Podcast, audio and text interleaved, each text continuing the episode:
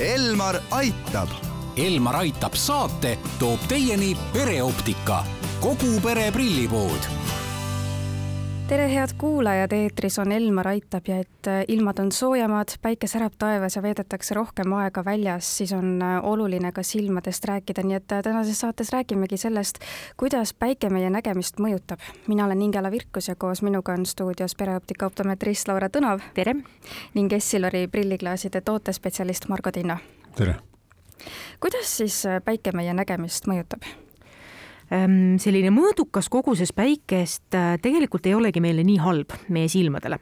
Ehm, küll aga tekitab UV-kiirgus, mis on enamasti kõige tugevam päikselisel päeval, äh, selliseid muutuseid meie rakkudes, mis võivad viia halvemal juhul vähirakkude tekkeni. Äh, kergemad kahjustused on näiteks tiib, kile, sarv, kestalm, mis alandab ka nägemisteravust, ka fotokeratiit ja erinevad silmapindade põletikud, mis võivad siis UV-kiirguse tagajärjel tekkida. Ma lugesin jah, et äh, nii nagu päike võib nahka põletada, et äh, võib see ka silmi põletada, et kuidas see siis endast märku võib anda või mida inimene tunneb, äh, kui päike on silmale halvasti mõjunud?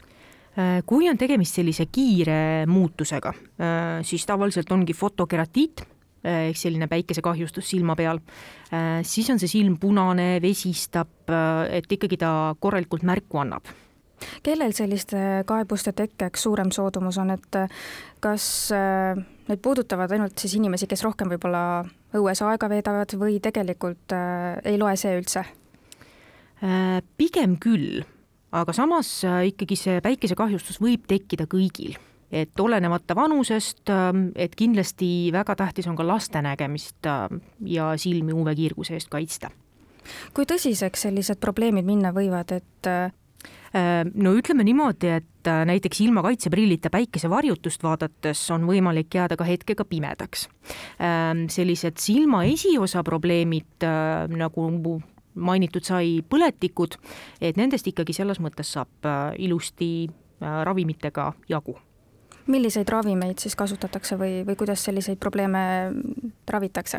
nüüd oleneb natukene, et et äh, mis mehhanismiga seal probleem on, aga põletikuvastased äh, ravimid, ka näiteks kuivasilmatilgad on need, mis aitavad aga kui me räägime näiteks fotofoobiast äh, ehk siis terava valguse kartustest, mis võib ka tekkida, kas sellest on võimalik lahti saada või see võib jääda ikkagi eluaegseks?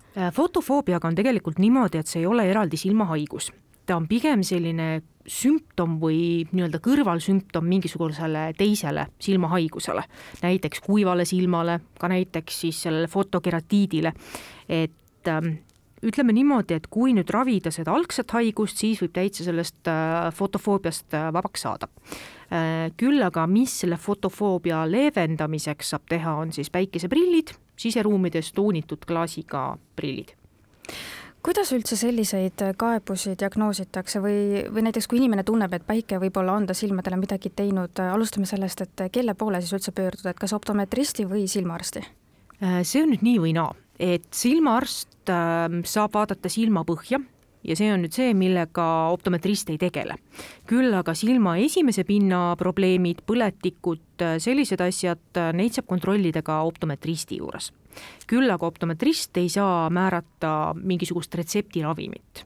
saab muidugi soovitada, anda nõu, mida siis leevendamiseks saab teha ja kuidas neid äh, probleeme või siis äh, kaebusi diagnoositakse ja siis diagnoos pannakse, et me oleme siin käinud kuiva silma keskuses kuiva silma sündroomi nii-öelda diagnoosimas äh,, lihtsalt nägemist kontrollimas, et kuidas selliseid päikesest tingitud vaevusi või noh, nendele vaevustele siis selgust saada?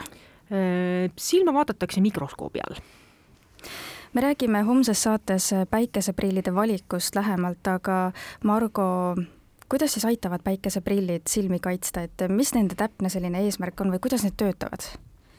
noh, põhiline on, on see, et äh, päikeseprill kaitseb silmakeskkonda sellise valguse ja kiirguse kahjulike mõju eest ja, ja noh, kõikidel inimestel on need äh, mõjud erinevad ja me peame mingil hetkel nagu aru saama, et mis tingimustes ja millal meil need äh, kahjulikud mõjud nagu toimivad, et kas me näeme halvasti, tekivad sellised äh, fotofoobilised või valguskartlikud ilmingud või mingid muud ja siis minna kauplusesse ja, ja küsida nõu, et mis neil on, kaupluses saab proovida ja on tegelikult palju erinevaid variante erinevate olude jaoks äh, läätsematerjale ja ütleme, kogu need päikseprilli läätsematerjale, mis meid saavad aidata me jätkame saadet homme kell kaksteist nelikümmend viis, kui anname täpsemat nõu, kuidas siis päikeseprille valida.